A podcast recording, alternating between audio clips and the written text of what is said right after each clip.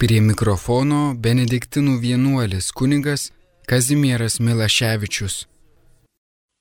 Garbėjai Kristui, 1995 metais Šventasis Jonas Paulius II įsteigė pasaulinę kunigų šventėjimo dieną, kurią pakvietė paminėti kiekvienoje viskupijoje - švenčiausios Jėzaus širdies iškilmės dieną.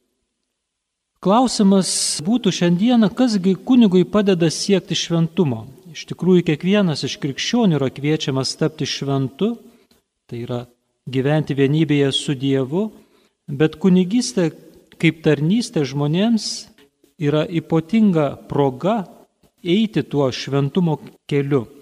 Ir būtent šią progą norėčiau šiek tiek daugiau pakalbėti apie rekolekcijų laiką būtent kunigams skirtą laiką kaip šventėjimo kelią.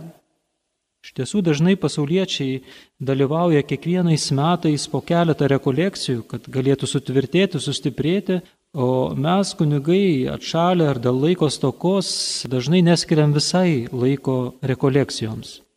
Taigi rekolekcijų laikas kaip šventėjimo kelias arba kelias į šventumą. Pirmajame laiške tesalonikiečių bendruomeniai šventasis Paulius rašo, broliai, prašome ir raginame jūs viešpatyje Jėzuje, jeigu išmokote iš mūsų, kaip privalote elgtis ir patikti Dievui, o jūs taip elgiatės, tai darykite vis daugiau pažangos. Tokia gi Dievo valia jūsų šventėjimas. Šiandien šventasis Paulius mums sako, tokiagi Dievo valia jūsų šventėjimas. Dievas nori, kad kiekvienas iš mūsų eitume šventumo keliu. O tas kelias, būtent šiai dienai, tai yra kunigystė. Kas yra kunigas? Pirmiausia, tai Dievo vyras. O ką reiškia būti Dievo vyru? Dievo vyras tai žmogus gyvenantis Dievo žodžiu ir vedamas Dievo dvasios. Kupinas Dievo žodžio ir deginamas jo kaitros, jis ateina pas žmonės kaip Dievo siustasis. Jis yra tarsi Dievo burna, per kurią kalba pats Dievas. Neždamas žmonėms Dievo įkvėptą žodį, šis žmogus ateina į žmonių tarpą juos žadina ir Dievo dvasios dėka padaro jų gyvenimus vaisingais. Taigi kunigas kaip Dievo vyras yra taip pat ir maldo žmogus. Maldo žmogus turi Dievo artumos ištroškusią širdį, o kartu turi laiko viešpačiui.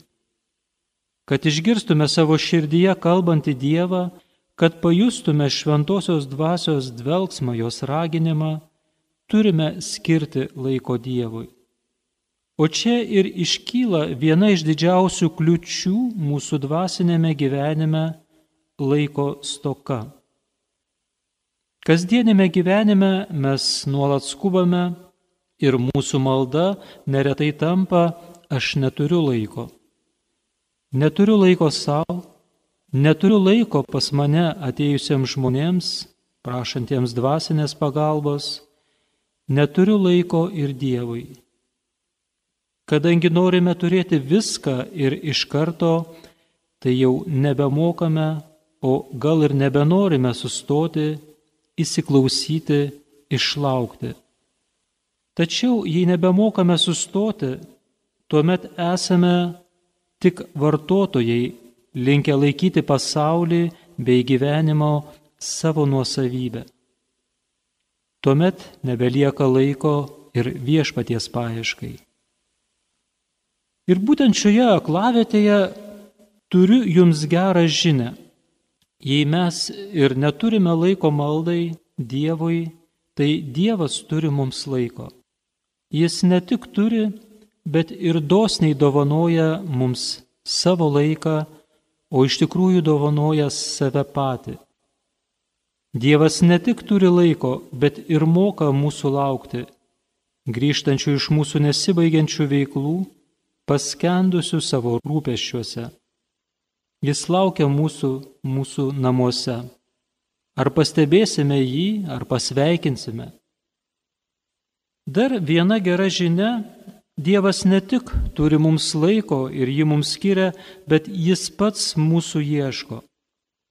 Jau pradžios knygos pirmose puslapiuose apie žmogaus nuopolį nuskamba esminis viešpaties Dievo klausimas besislapštančiam žmogui. Kur tu esi? 139 psalmėje psalmininkas nustebęs klausia, kurgi galėčiau pabėgti nuo tavo dvasios ar atsitolinti nuo tavo artumo? Jei į dangų žengčiau, tu būtum ten, jei šeolę pasikločiau lovą, tu būtum ten. Jei įgyčiau aušros sparnus ir įsikurčiau prie tolimųjų jūros ribų, net ten mane vestų tavo ranka ir tvirtai laikytų tavo dešinė. Dievas pirmasis eina ieškoti žmogaus, trokšdamas atnaujinti bendrystę, meilės santyki. Labai svarbu kiekvienam iš mūsų savo kasdienybėje išgirsti šį Dievo klausimą - kur tu esi? Ne tik išgirsti, bet ir į jį atsiliepti. Ir tai padaryti mums padeda laikas skirtas rekolekcijoms. Tad šiandien norėčiau šiek tiek daugiau pakalbėti apie asmeninės ar bendruomeninės rekolekcijas kaip šventumo kelią. Rekolekcijos tai nėra atostogų laikas. Rekolekcijos taip pat nėra skirtos įgyti žinių, išgirsti ar išmokti kažką naujo. Tam tikra prasme negryžtame į teologijos fakultetą, kad vėl naujai kažko išmoktume. Rekolekcijų vadovo tikslas taip pat nėra kažką naujo labai pasakyti, greičiau priminti tai, ką mes žinome, bet kuo negyvename. Pats žodis rekolekcijos iš lotiniško žodžio rekolektum, rekolidžerė, pažodžiui verstume kaip vėl surinkti atgauti, kas prarasta. Taigi rekolekcijų laikas skirtas susirinkti išbarstytas savo gyvenimo dalis, vėl surasti, o galbūt atgauti save, susigražinti mums dovanotą didžiausią Dievo dovaną - vidinę laisvę, nužengti į savo gelbę, į savo vidų į savo širdies vienutę, kad pabūtume drauge su Dievu. Ir būtent toje bendrystėje atnaujintume tą meilės ryšį su Dievu.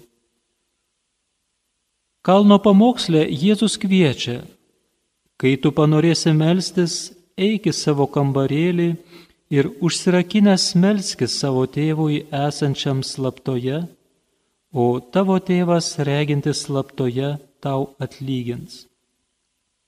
Būtent širdies slaptoje, mūsų širdies gelmėje, išgirskime šiandien Dievo klausimą užduotą Adomai. Adomai, kur esi? Jonai, Petrai, Evaldai, Mindaugai, kur esi? Dievas pirmas išeina mūsų ieškoti Dievas ieško žmogaus tarsi pasiklydusios savelės ir ją atradęs labai džiaugiasi. Dievas ateina mus surinkti, surinkti po gabalėlį mūsų išvaistyto gyvenimo ir vėl mus sulibdyti tar, tarsi pačią gražiausią mozaiką. Rekolekcijų laikas tai ne tik polsi šventojoje dvasioje, bet kartu ir tam tikras vidinis darbas, pratybos. Galbūt nelabai mėgstamas žodis - disciplina, tai yra laisvas savęs apribojimas. Mes atsiribojame nuo išorinės veiklos, nuo išorinių dirgiklių, nuo susitikimų, nuo galbūt ir pramogų, kad būtume laisvesni nusileisti į savo gelmes o galbūt dažnai į savo pragarus, tamsumas. Bet leidžiamės ten ne vieni, o su Kristumi, kuris yra pasaulio šviesa. Taigi, rekolekcijos tai staptelėjimas, įsiklausimas, ne laikas skirti, ką nors sužinoti ar išmokti kažką naujo, bet samoningiau išgyventi savo gyvenimo tikrovę. Kur aš esu? Tikrasis rekolekcijų vadovas yra šventoji dvasia. Ir labai svarbu išlaikyti atvirumą Dievui, taip pat šventosios dvasios vedimui, jos kvėptelėjimui. Turime nusiteikti, kad susitiksime Dievą galbūt netikėtose vietose, netikėtomis aplinkybėmis, per netikėtus dalykus. Šventoji dvasia veda ir vadovauja šiam laikui, o vadovas tik lydi, stengdamasis netrukdyti Dievui veikti. Labai svarbu pašalinti dvi kliūtis, kurios trukdo dalyvauti ar pilnai išgyventi rekolekcijų laiką. Tai iš ankstinė nuostata Aš jau žinau, apie ką bus kalbama, aš žinau, kas tai per kunigas ar rekolekcijų vadovas, kad nieko iš jo gero negalima laukti, o taip pat nerealius lūkesčius, kad įvyks kažkokie neįtikėtini stebuklai ir aš gimsiu naujų žmogumi. Taigi turime pašalinti lūkesčius, kurie netitinka tikrovės. Iš tikrųjų, rekolekcijos kviečia mus sugrįžti į ten, kur mes esame, tai, kas mes esame, kad būtent atsiremdami į tai galėtų mumise gimti kažkas naujo. Rekolekcijų metu taip pat galimos dvi laikysenos. Tai yra pagunda, o kartu ir pasirinkimas. Kaip aš dalyvausiu rekolekcijose? Kokia bus mano laikysena? Ir viena laikysena yra pasyvi, tai būtent stebėtojo laikysena. Aš patogiai įsitaisau kokiame nors atokame kamputyje, užsidėjęs koją ant kojos ir viską stebiu iš šono, tarsi tai būtų vyktų filmas ar spektaklis. Aš žvelgiu į kitus iš išorės, aš nedalyvauju tose rekolekcijose. Ir žinoma, su klausimais, Kągi tas rekolekcijų vadovas mums naujo pasakys, ar jis dar gali kuo nors mus nustebinti? Tai normalu. Žmogus yra toks, pavadinkime, padaras, būtybė, kuris visuomet priešinasi tam, kas nauja. Nes naujumas kviečia darbui, kviečia pasikeitimui, persikeitimui iš vidaus. Tam reikia jėgų, tam reikia energijos. Pasipriešinimas naujovėms yra įrašytas mūsų prigimtyje. Priešinamės todėl galbūt, nes viduje jaučiamės nesaugus ir netokie užtikrinti, kaip galime pasirodyti išoriškai. Nebėra už ko slėptis, nebėra kur pabėgti. Rekolekcijos kviečia būtent tam vidiniam apsinuoginimui, savęs pažinimui, tos tikrovės, galbūt ne pačios gražiausios, bet reikia pradėti nuo to. Žinoma, kad stebėtojo laikysena taip pat gali kilti ir iš nuovargio. Aš esu tiesiog per daug pavargęs nuo gyvenimo rūpešių, vidinių kovų, pralaimėjimų, pasidavimų pasaulio dvasiai, kad galėčiau sustoti, nurimti, klausytis, gilintis, galiausiai išgirsti Dievo kvietimą naujam gyvenimui. Pasyvi stebėtojo pozicija viena vertus apsaugo mus nuo grėsmės, nuo grėsmės kito, iš mažos ir didžios raidės, įsiveržimo į mano asmeninį gyvenimą. Taigi rekolekcijos tai tam tikras akimirksnis mano gyvenime. Daug blogiau, kai mes ir savo asmeninėme gyvenime liekame tik savo gyvenimo stebėtojais, o nedalyviais. Ypač, kai mus įsuka rutina.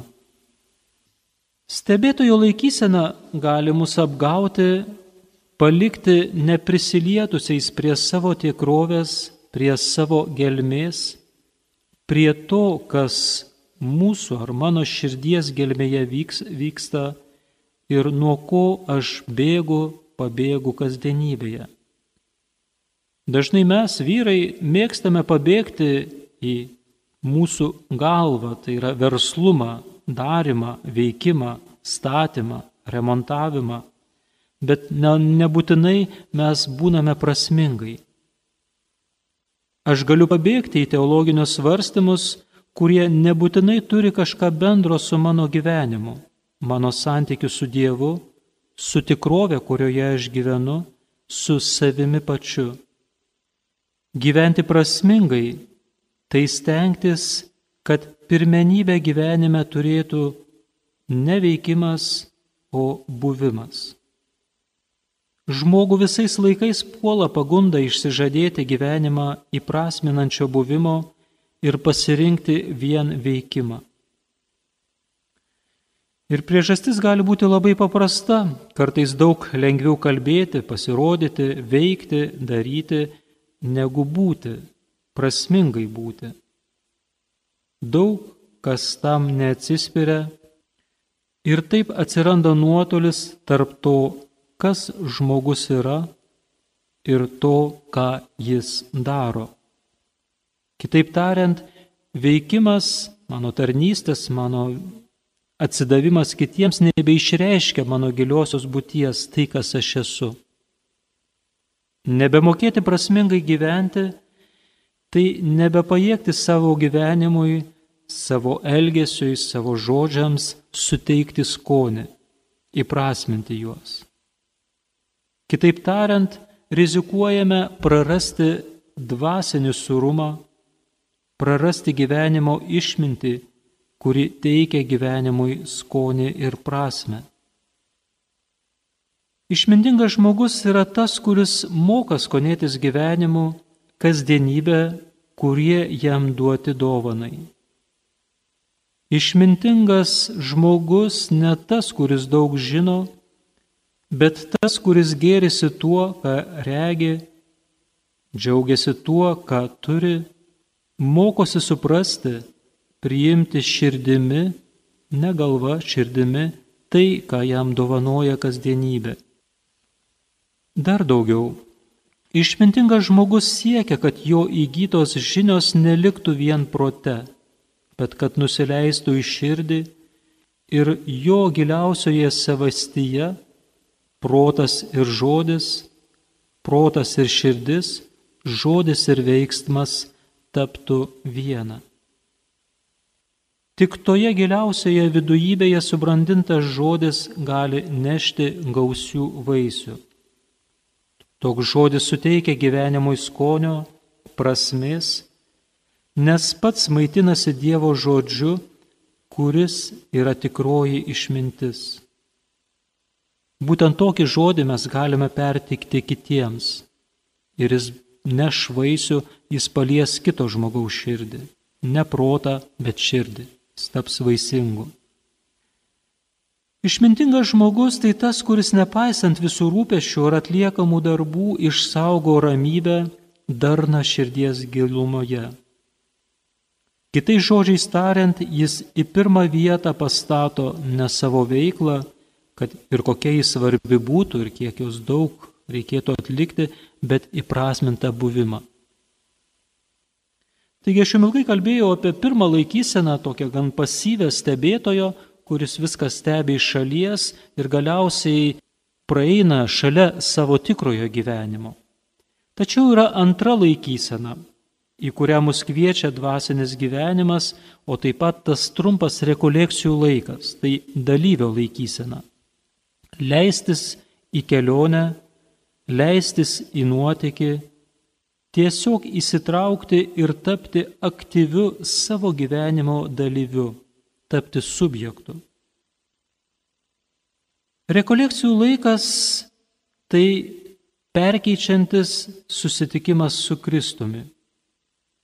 Jeigu rekolekcijų laikas manęs nei kiek neperkeičia, tai galbūt susitikimas ir neįvyko.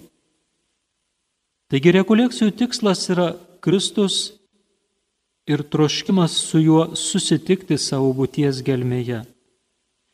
Ir būtent dalyvio laikysena leidžia mums įsitraukti į šią kelionę, leidžia būti perkeistam. Dievas klausdamas, kur tu esi, trokšta tave surasti. Dalyvio laikysena yra daug sunkesnė ir pavojingesnė, nes jei mes išdrysime leistis kartu su Dievu, su Kristumi į savo vidinius požemius, mus gali išgazdinti tai, ką mes pamatysime, išgirsime apie save. Tad linkiu drąsos tiems, kurie nuspręs būti dalyviais. Drąsos, kaip sako popiežius Pranciškus. Dievas yra su mumis. Esminė laikysena, kurią turime išsaugoti visą gyvenimą ir kurią mes tam tikrą laiką praleidžiame rekolekcijų metu, tai yra Dievo paieška. Jau minėjau, kad Dievas mums ne tik turi laiko, bet Dievas mūsų ieško. Bet ir mes turime ieškoti Dievo arba bent jau leistis būti jo surastam. Dievo ieškojimas vyksta erdvėje ir laike. Žmogui reikia būtina tiesiog turėti savo vietą gyvenime. Tai gali būti vienolynas, tai gali būti parapija, bažnyčia, viskupija ir taip toliau. Tai vietos, įprastos vietos, kuriuose skleidžiasi mūsų gyvenimas. Vienolynuose vienuolis gauna vietą bažnyčios chore, vietą valgomajame, gauna celę, gauna savo vietą bendruomenėje. Bet dažnai girdime, kad žmogus yra tarsi be vietos. Sakydamas, kai jaučiasi ypatingai, na, blogai viduje, aš nerandu savo vietos, aš nesijaučiu savajame kailyje. Tai tokia vidinė būsena, kai žmogus neturi kur savęs padėti. Tai labai nesaugus, nemalonus jausmas būti svetim šalių net ir savo asmeninėme gyvenime. Vieta, kur mes ieškome Dievo, yra ten, kur mes esame. Mums nereikia kažkur toli keliauti. Galbūt tai bus vienuolyno erdvė, galbūt tai bus konkreti parapija, konkretus miestas ar konkreti bažnyčia.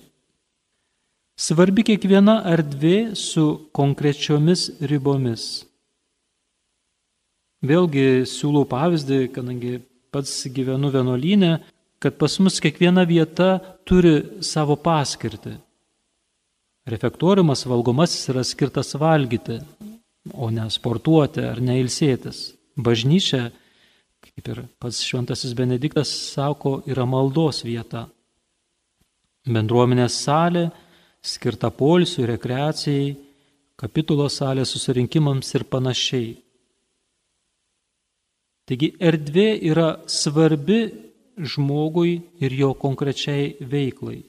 Erdvė, jeigu jį teisingai sutvarkyta ir atlieka arba savo funkciją, tai ji yra formuojanti aplinka.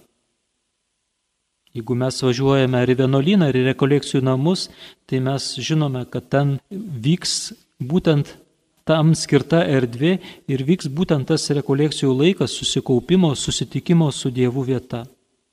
Būtent ši vieta, formuojanti savyje, padeda mums susitikti su Dievu, jo ieškoti. Taip pat galime mąstyti, kokia yra mano erdvė. Svarbu turėti savo asmeninę erdvę, kur aš ir Dievas, kur aš galiu būti toks, koks esu, be vaidmenų, be kaukių, kur manęs niekas nestebi. Pažiūrėkime į savo kambarį, kaip jis sutvarkytas. Mūsų kambarys, mūsų gyvenamoji aplinka yra mūsų vidaus, mūsų vidinio gyvenimo išraiška. Matydamas savo kambarį, galiu suprasti, kokia yra mano vidaus būklė.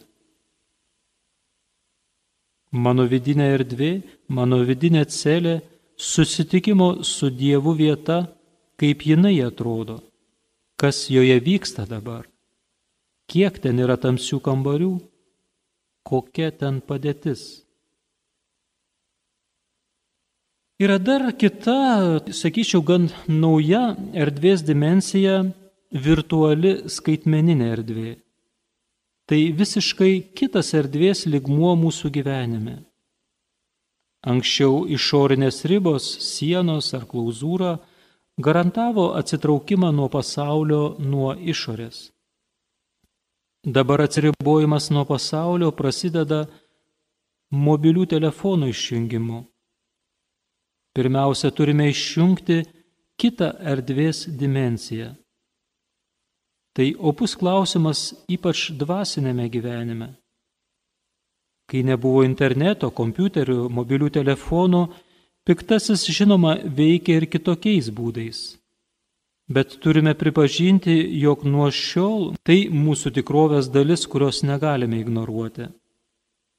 Senoji karta dar žino, ką reiškia būti be telefono, be interneto, ką reiškia rašyti laiškus, ranka rašyti pamokslus, konferencijas ir panašiai. Bet jaunimas jau neturi patirties, nežino, ką reiškia būti gyventi be virtualios patirties. Žinoma, kad internetas gali tapti puikia erdvė evangelizacijai. Tai mums puikiai rodo mūsų popiežius Pranciškus. Tačiau iš esmės internetas kaip po toks yra priešinga tikrovė dvasinėje kelionėje. Tai yra internetas yra priemonė, bet ne tikslas savyje. Dvasinėme gyvenime iš esmės einame vis gilin ir gilin, tai vertikali kelionė. Leisti žemynį savo gelmes, kad Dievas pakeltų mus iki savęs. O kaip veikia internetas, tu atsidarai vieną puslapį, tau siūlo kitą, Ir taip be galo ir be galo. Gali keliauti ir keliauti nuo vieno puslapio į kito. Iš tikrųjų, internetas mus veda platin į išorę, ne į gilį, o į periferiją. Tai horizontali kelionė per informacinės džiunglės. Tad būkime labai dėmesingi, naudodamėsi būtent gerais dalykais, bet kurie gali tapti mūsų gyvenimo pinklėmis. Taigi aš kalbėjau gan ilgai apie erdvę kaip vieną iš dimensijų, taip laikas yra antra koordinatė, kuri yra nemažiau svarbi mūsų gyvenime. Žmogus yra ribojamas ne tik erdvės, bet ir laiko. Yra ypatingi liturginiai laikai gyvenime ir paprasti kasdieniški įprasti. Diena kaip gyvenimo simbolis. Dienoje taip pat yra ypatingas laikas Euharistija ir ją apsupanti liturginė malda. Dvasinis skaitimas, darbas, polisis. Galime kalbėti taip pat apie amžiaus tarpsnius - gimimą, vaikystę, jaunystę, brandą, senatvę, galiausiai išeimą. Kiekvienas gyvenimo laikotarpis tai visa istorija. Kaip aš tame jaučiuosi? Kokiame tarpsnyje aš dabar gyvenu? Kur yra mano ribos silpnybės? Kaip aš tą laiką išgyvenu, galbūt išgyvenau, galbūt neįgdamas savo senėjimo procesą, jį priimdamas, atmesdamas savo kažkokios tai priklausomybės ir neišsivaduodamas iš jų. O koks yra mano laikas? Laisvas laikas, neįrėmintas, neapibrieštas. Kaip aš jį naudoju? Kuo aš jį užpildau? Mūsų galutinis gyvenimo tikslas tai amžina palaima su Dievu, išsiplėtusi širdis, džiugus su meile Dievo paliepimo įvykdymas. Tai yra iš tikrųjų gyvenimas amžinybėje, kurios praranda tą laiko dimenciją, nes tas laikas nebeturi ribų, jis yra amžinas.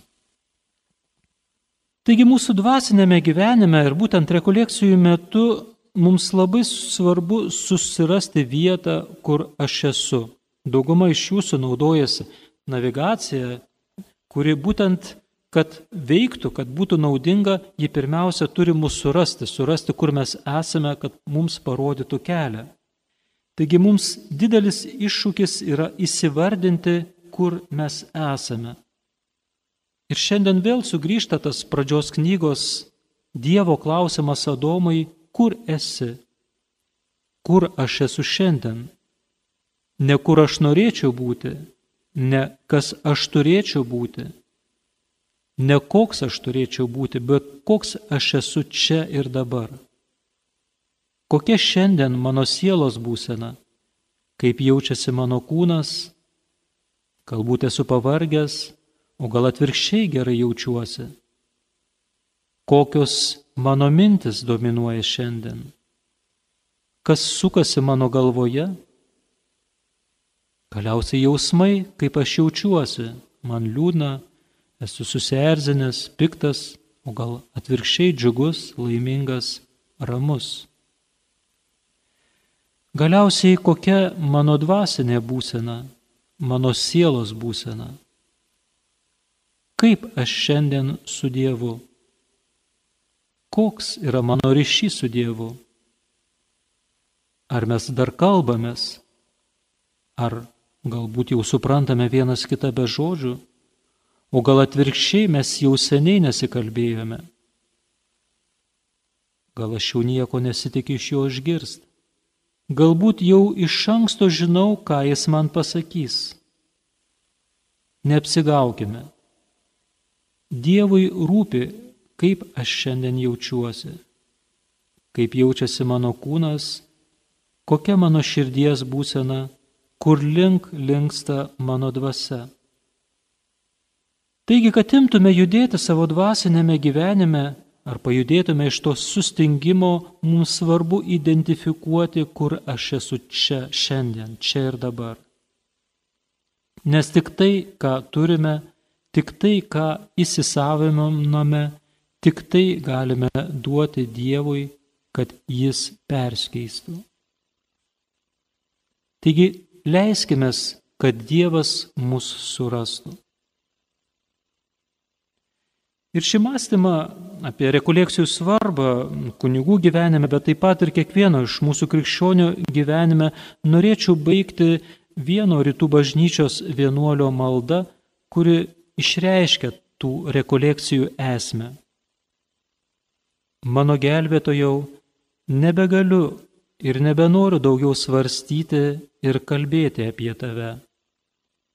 Aš pakankamai perskaičiau, kalbėjau, klausiausi. Aš norėčiau dabar tik kuo paprasčiausiai priartėti prie tavęs, leisk man užverti knygas, kad tarp mūsų tavęs ir manęs daugiau nieko nebūtų.